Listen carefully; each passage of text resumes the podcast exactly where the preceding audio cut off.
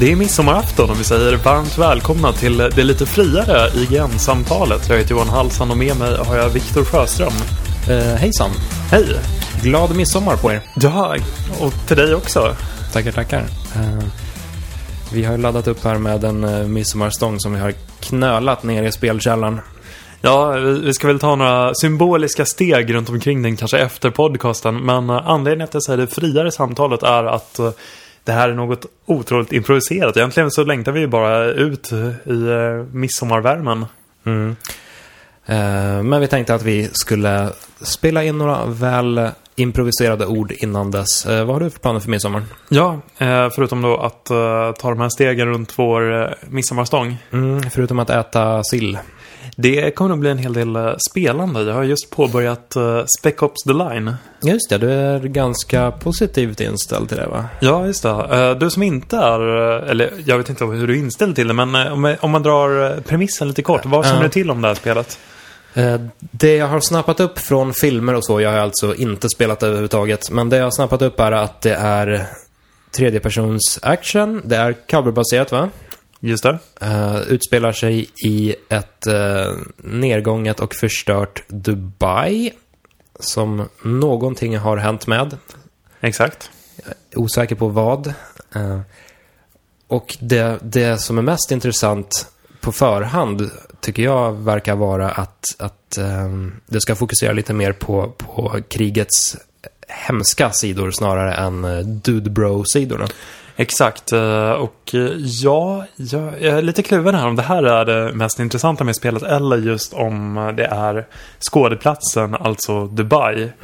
Eh, har du varit i Dubai? Jag har faktiskt aldrig varit där. Jag vet att eh, du har varit där en gång va? Just det, i fjol Även- var jag där och eh, det, det var en ganska vanlig, eh, inte en vanlig stad på något sätt, men en vanlig eh, resa i, eh, i det här yrket som går ut på att man tar sig in till ett hotell, stannar där en natt eller två och sen åker tillbaka igen. Så man får väldigt lite fritid att se sig runt om Ja. i stan. Det låter ju oftast väldigt spexigt och lyxigt det här att resa jorden runt och spela spel var man än landar. Men det är ofta så att man flyger till ett ställe, direkt från flygplatsen till hotellet, direkt från hotellet till eh, eventstället om det faktiskt inte hålls på själva hotellet. Det händer det också. Eh, och sen tillbaka igen, eh, antingen på kvällen eller dagen därpå. Och Ja, det, det- det man hinner göra är väl ofta att eh, kanske sticka ut och käka någonting på kvällen. Ja, vi kan ju summera det som att tiden i transit eh, överstiger rejält den tiden man får med spel eller eventuellt prata med producenter eller andra människor bakom kulisserna. Ja, det händer ju verkligen så att eh, ja, det uppstår sådana situationer att man flyger in och sen kör man en intervju på en eh, 20 minuter och sen är man i princip klar med, med jobbet. Precis. Så det var lite det här formatet något mer generöst. Men intrycket jag fick av Dubai, det är eh, ett slags eh, verklighetens Disneyland. Det vill säga att eh, allting är hypermodernt. Men också väldigt kulissartat. Ja, det ser ju extremt märkligt ut på bild och på film. Nu senast var det väl eh, Mission Impossible, vad det nu är. Ja, 14. Ghost eh, Protocol. Ja, vilken film i ordningen det nu är. Fyra, fem? Ja. Eh, Den, den hade ju sina problem den filmen men just Dubai-scenerna när Tom Cruise håller på och hänger och dinglar på svindlande höjder jämte någon skyskrapa. De var fantastisk. Världens Eh, högsta. Ja. Och, och det här är väl lite temat för Dubai. Extrema excesser och skrytbyggen så det står härliga till. Och därför blir ju platsen eh, så attraktiv i spelsynpunkt också. Mm. Det, om man ska vara lite eh, finurlig kan man ju säga att det här är verkligen en sandlåda. Och, eh, Badampan. Ja, jag ber om ursäkt. Men eh, som, som vi var inne på tidigare så det rör sig om tredjepersons eh, shooter. Eh, Dubai har eh, råkat ut för en fruktansvärd olycka. Det är sandstormar som har blåst in och gjort eh, staden eh, tvungen att evakueras. Men eh, en eh, amerikans, ett amerikanskt förband emot uh, säger sig order stannar kvar för att uh, rädda lokalbefolkningen och uh, därefter blir det radiotystnad. Något går fruktansvärt fel. Mm. Och man kommer som en trio glada soldater till Dubai för att nysta i vad det är som kan ha hänt. Och ehm, spelet börjar väldigt mycket som en traditionell tredjepersonsskjutare. Jag skulle säga att det fortsätter som det också. Det finns en eh, lite så här gimmicks att man kan använda sig av sin omgivning. Då främst eh, skjuta sönder fönster så att eh, fienderna begravs i eh, en eh, herrans massa ton sand. Ja, just det. Det har man ju sett på film. Att sanden används som vapen. Exakt. Så även här. Och eh, det, det är lite så här förnuligt och trevligt. Och, men det jag fastnar för allra mest det är just en liten koppling, vad ska man säga, till Bioshock. Mhm. Eh, och det är det också den här, Dubai är skapad som ja, men, eh, en, en utopi skulle man kunna säga. Mm. Och det var ju samma sak med Rapture, den här utopin under vattnet som det första Bioshock utspelade sig i. Ja. Även andra för den delen. Skill- Skillnaden är väl att Rapture faktiskt byggdes klart och började leva ut den här utopin. Dubai hade väl problem redan under, under konstruktionsstadiet. Ja, alltså det vad ska man säga, det är, det det är ständigt pågående bygget av utopin. Ja. När jag var där så var det mm, byggnader större än uh, vad jag någonsin har sett någon annanstans som eh, hade lyftkranar på taket bara för att de skulle bli ännu större. Mm. Och, och det här det märker man ju av även i Spec Ops The Line att uh, allting är inte färdigbyggt. Men det, det är ju något eh, galna visioner om att göra, vad ska man säga, vår tids pyramider Mm.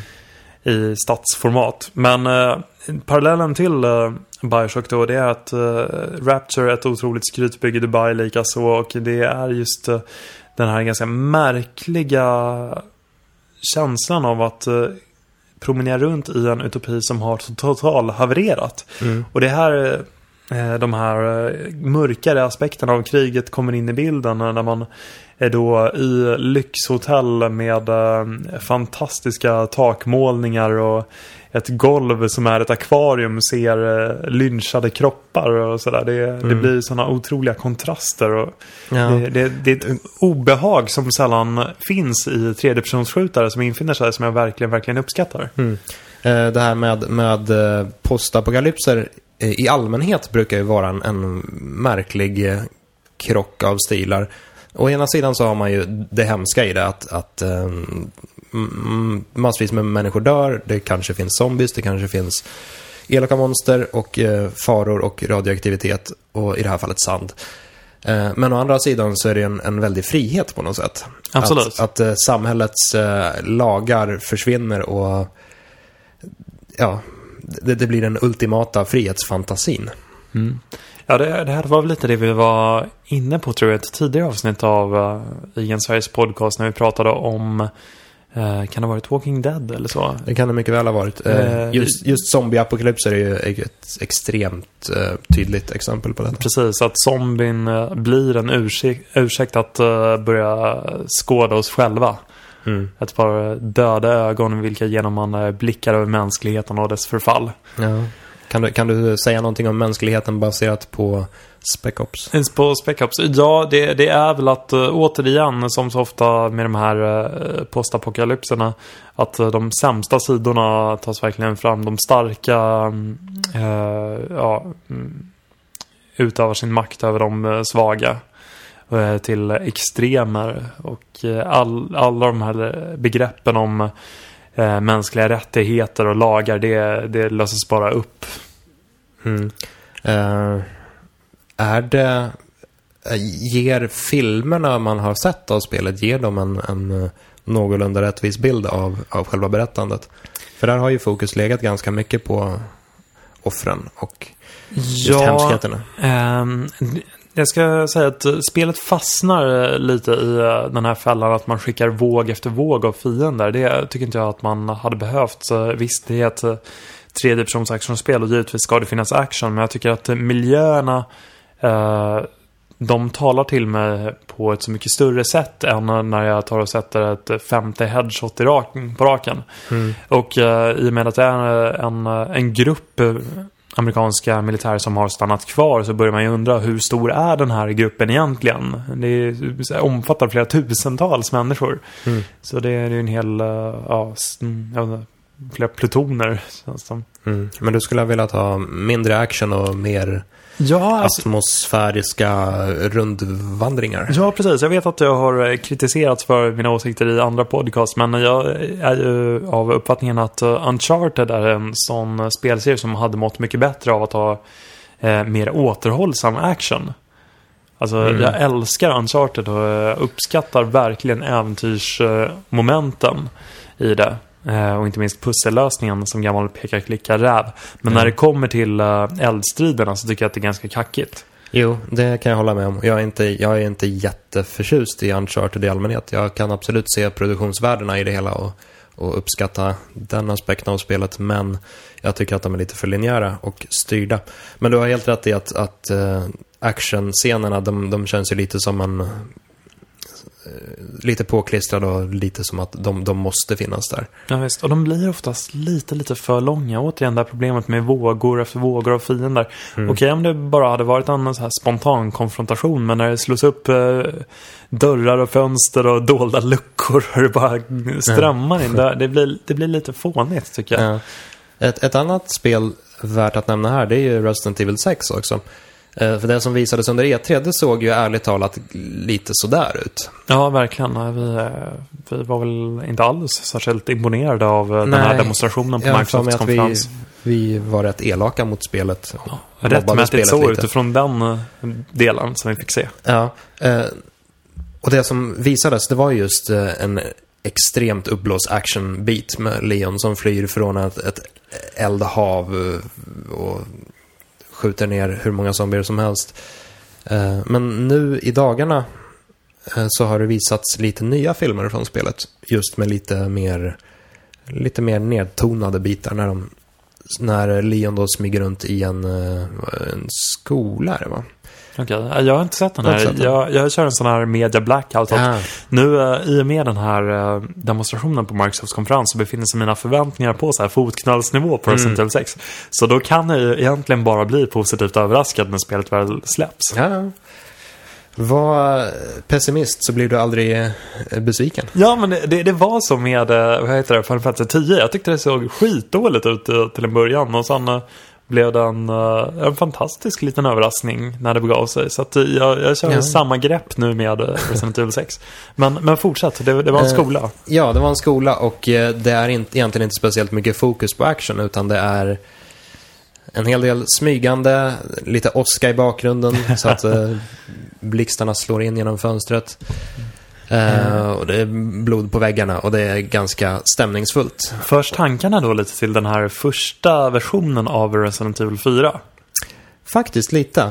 Eh, och det är ju för övrigt ganska synd att den versionen försvann. Jag tyckte den såg väldigt, väldigt stämningsfull ut. Mm.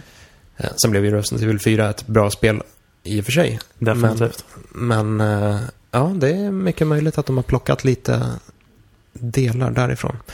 Eh, men i alla fall, det, det är ju exakt samma situation som med Spec Ops, låter det så i, alla fall. Att eh, actionbitarna inte riktigt är det man vill ha alla gånger. Nej, eh, de är, alltså inget ont om mekaniken och så. Alltså det, det är kompetent. Det är bara det att det... det Oh, kom kompetent, Ja. det, det, det är ju det, det elakaste man kan säga om, det- om, eh, om ett spel faktiskt. Ja, det, är fruktansvärt elakt. Men eh, alltså här säger jag det i eh, dess bästa välmening att det är folk som har, liksom, har polerat och tweakat och fått eh, en skjutmekanik som känns betydligt bättre och mer tight än i många andra spel i genren. Mm. Det är bara det att, som sagt, hade man haft lite större tilltro till ehm, ja, temposkiftningar eh, och, och kanske då i synnerhet eh, de partier som inte kräver ett högt tempo så hade jag nog uppskattat det ännu lite mer. Mm. Men med det sagt så eh, positiv överraskning, verkligen. Ja, jag är, jag är nyfiken på det faktiskt. Mm. Trots att det är kompetent tydligen. ja, men vi stryker kompetent och säger att det är en habil. ja, nej men habil, det är ju det är precis Det- det är lika illa. Du får kalla det för gediget. Kan jag säga Det, det är tight? snä, snäppet bättre. Ja, Ja, tight, det, det funkar det också. ja. Bra. Har du lirat något tight den senaste veckan? Ja, jag har lirat eh, både tajta och kompetenta spel, dessvärre. Oh. eh, framförallt har jag lirat rätt mycket Lego Batman 2. Jaha. Eh, som jag har co-opat en del. Eh, och det är alltså, ja, man kanske inte behöver gå in så mycket på vad det handlar om. Det är, det är Batman och det är Lego. Eh, Ja. Och har man kört något av de tidigare Lego-spelen så, så vet man ungefär hur det funkar. Ja. När det kommer till så här varudeklarationer så blir det ju inte mycket tydligare än Lego Batman eller Lego Star Wars. Det är verkligen precis vad titeln säger att det är. Precis, it does what it says on the label. Och det är lite så här spel, spelvärldens motsvarighet till en varm korv med bröd. Att det är inte Ja. så jättespännande, men man vet exakt vad man får. Ja. Eh, I det här fallet så det, har det även en undertitel som antyder att det är andra DC-hjältar med i spelet. Så det är eh, Stålmannen, Wonder Woman och lite, lite allt möjligt som dyker upp och gästspelar. Eh, och sen har det även eh, utvecklats lite i jämförelse med de tidigare spelen på så sätt att det har röster. Det har ju inte de tidigare spelen kört på. Hur funkar det? Sådär alltså. Jag, jag gillar ju jag gillar Lego-spelen och eh, en stor del av charmen är ju just humorn och de konstiga små mellansekvenserna när Lego-gubbarna viftar runt och gestikulerar. Eh, det finns ju bland annat fantastiska tolkningar av eh, många av Star Wars-scenerna i de olika Star Wars, eh, Lego Star Wars-spelen. Eh, det funkar inte riktigt lika bra med röster. Det blir lite för seriöst på något sätt. Och det blir Okej. inte lika mycket rum för fladder. Roligt fladder. Eh, så det är lite trist. Men eh, spelet i sig är, är eh, rätt schysst. Det har ehm, ett märkligt split screen-läge. Dock. Jaha. Eh, Det delar inte upp spelet i en vertikal eller, eller en, en horisontell split screen utan det split screenens vad ska man säga, lutning påverkar av, påverkas av hur figurerna står i förhållande till varandra. Så om man börjar gå runt varandra så roterar även själva split screenen. Eh, det är, eh, och det, det blir rätt förvirrande och ganska rörigt och oöverskådligt. Okej. Tyvärr. Men eh, ja, i övrigt så, så är det ganska schysst. Och sen är ju frågan hur länge de kan köra vidare på det här Lego-konceptet. En sak som Ja. jag alltid stört mig på på de här Lego-spelen det är att eh, alla miljöer inte är byggda av Lego. Mm. Jo, så är det. det. Det gör ju att Lego-detaljerna sticker ut. De skär en i ögat lite. Ja, jag funderar på om det här är... An... Det borde egentligen inte vara lathet, utan om att det snarare är en, ett, ett estetiskt val. Att precis som när man var liten och lekte med Lego, kanske ställde sin Lego-gubbe på en, på en pall eller eh, i soffan. Att man ska återskapa den känslan lite grann. Att eh, Mm. eh, min värld när jag lekte med Lego var, byggdes inte enbart av Lego. Och därför kör man inte det här heller. Nej. Jag kan tänka mig att det blir en, att det är en estetisk fråga också. Att, att spelen helt enkelt hade sett lite för, eh, lite för konstiga ut om, om det bara hade varit Lego. Hade det sett lite för Minecraft ut? Ja, kanske lite så. Och att det inte hade varit möjligt att få, få till de här riktigt stämningsfulla miljöerna. Eh, Lego Batman 2 till exempel är ett ganska, ganska snyggt spel. Och det har en fin liten solnedgång över ett eh, nöjesfält och det har ju Arkham Asylum med fullmånen i bakgrunden. Det har Ja. även en, en eh, rolig liten peak mot eh, Arkham City. Jaha. När man är, man är inne och ränner i Arkham Asylum naturligtvis. Och så står det en reporter utanför och, och dissar hela, hela konceptet med att eh, spärra in samtliga superskurkar i en samma byggnad och tycker inte att det är världens smartaste grej. Men sen drar hon repliken att ja, det, det är ju i alla fall bättre än att spärra in alla, alla superskurkar i en, i en övergiven stadsdel. Det hade ju blivit ren katastrof. Och det är ju själva premissen då för Arkham City. Visst är det så. spelat Ehm, jag vet att du har spelat ytterligare något. Eh, ja, jag har ju alltid spelat Diablo 3. Ja, Okej, ja men det är jag Det- också. Och jag tror att jag ligger före dig nu. Ja, du har gått om mig, helt klart. Ja, jag som svor dyrt och heligt på att jag inte skulle fortsätta spela, men jävlarna har satt klorna i mig. Ja, Och nu eh, sitter jag där med min eh, level 57-munk Mm, på har- hell. Ja, du har kommit upp till helg, ja. Eh, och det är väl även så att den första spelaren har klarat spelet på hardcore nu. Eh, just i...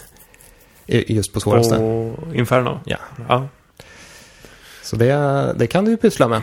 ja jag, jag kommer nog eh, pyssla med det ett tag framöver. Det, det är ju så himla roligt i co-op. Mm. Eller ja, det, det är ju roligt att spela tillsammans. Jag vet inte om vi har så himla roligt eh, egentligen.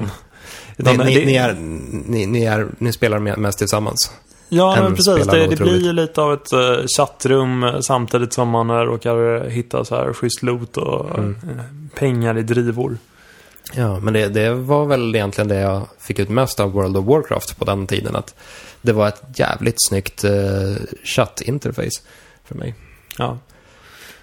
Ja, och så uh, fortsätter det. Så fortsätter även jag. Så länge jag har folk att spela med så kommer jag väl traggla mig fram där.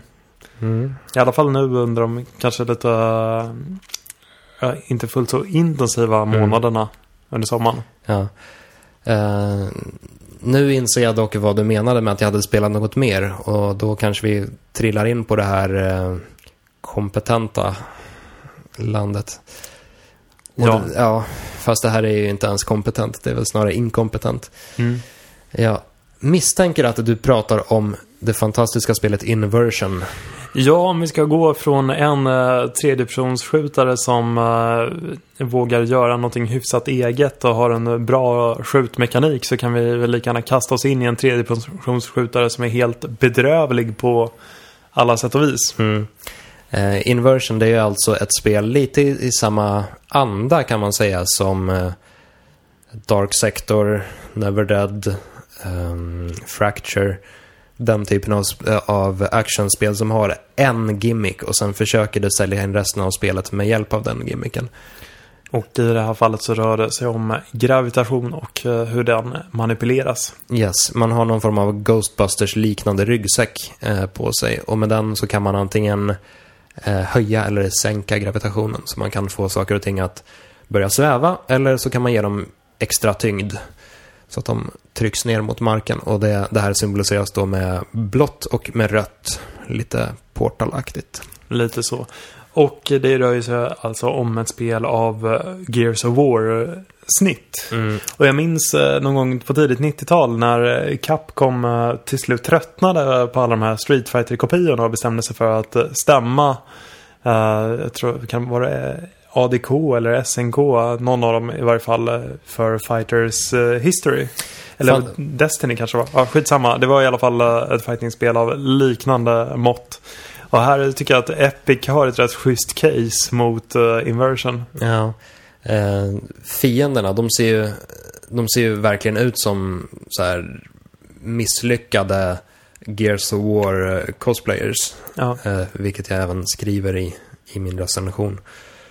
Eh, och hela spelet känns ju som en, en väldigt blek kopia som egentligen inte gör, gör någonting rätt i själva spelmekaniken. Nej. Utan det är bara trasigt rakt igenom. Ja, det, det, det är fruktansvärt verkligen. Och det, det är ju lätt att eh, ha roligt åt det här. Men eh, i former som när huvudpersonen tar upp eh, vad som ser ut att vara en exakt replika av en uh, Retrolancer. Mm. Och säger jag har aldrig sett vapen som det här och man utbrister Jo det har jag visst, det var i Gears of Ja. War. Men eh, mm, i takt med att man fortsätter spela så fylls man ungefär av samma olustkänslor som när man tittar på en bollfilm. Att eh, man, man skrattar på det i början men eh, till slut så sätter man det här skrattet i halsen och liksom blir bara ledsen. Mm. Det är uppenbarligen någon som har menat allvar med det här. Ja, Och det är väl det som är det lite tragiska här. Ja, men att folk har lagt ner menar, en tre år av sina liv att göra ett spel som Inversion. Det, Mm. det är något eh, både cyniskt och väldigt tragiskt i det hela. Ja, ja men det är allmänt det här medelmått, eller inte ens medelmåttigt, det är väl ganska kast rakt igenom. Så här dålig, dålig, dålig känsla i, i träffarna med vapnen, dåligt soundtrack, kassa röstskådisar. Eh, en märklig, väldigt märklig eh, tilltro till, till eh, den egna berättarmek, eh, berättarmekaniken. det, alltså, de tar sina filmsekvenser på stort allvar och, och storyn är skitdålig. Ja, alltså Det det, blir jättekonstigt. Samtidigt, någonting som verkligen eh, gör mig fundersam det är att personen som har döpt Achievements och Trophies Mm. har ju en lysande medvetenhet om eh, vad det här är för typ av spel. För vi har achievements som heter typ Dude Bro. Och det är just den här Dude Bro-genren vi rör oss i. Alltså Mm. testosteronstinna män som skjuter eh, bad guys tillsammans. Ja. Eh, och i det här fallet testosteronstinna män som skjuter varandra långt, långt ner i reabacken skulle jag säga. Ja, Eh, Det här är verkligen inte ett spel att betala fullpris för. Det är snarare ett spel att köra när man har kört igenom de andra eh, tredjepersons actionspelen som släpptes den här generationen. Vilket ju är ett par stycken vid det här laget. ja, om man ska spela det överhuvudtaget. Ja, det, det kan man nog hoppa över egentligen. Det, det här är verkligen inte, inte bra, så... Jag, sk- jag, jag skulle inte ge Inversion ett speciellt gott betyg om vi hade en betygsskala i den här podcasten. Nej. Och det har vi inte och det är kanske är lika bra det. För att det skulle bli någon slags bottennotering. Ja. Ja. Eh, så jag tycker vi lämnar Inversion och jag tycker att ni ska undvika det. Ja, det tycker jag låter jättebra. Eh, Vi ska också lämna er, kära lyssnare. Det blev eh, som sagt en, eh, en liten kort midsommarepisod här. Men vi är tillbaka med full kraft igen i nästa vecka. Mm. Och dessutom fulla av sill och kanske en och annan nubbe. Ja, och av spelintryck inte minst. Så att med det tackar vi för oss och hoppas att ni får en riktigt härlig midsommar. Mm. Var hittar man dig om man, om man får abstinens någon gång framåt, eh, framåt eh, kvällstiden? Ja, då, då hittar man mig på uh, Johan Hallstan, uh, snabel-a innan det, på Twitter. Mm. Och mig eh, hittar man på snabel Viktor underscore Sjostrom på Twitter. Mm, nästan surströmming. Mm, nästan surströmming. Eh, det har jag inte tänkt på. Ja. Jag är ett, ett litet mi- midsommar... Eh, Du- barn. Ja, tydligen. precis. Lite midsommarfirande bara du. Mm. Nu ska vi ta våra steg runt uh, vår midsommarstång här nere i spelgrottan. Vi önskar er som sagt en riktigt härlig midsommar. På återseende. Mm. Hej då. Ha det bra.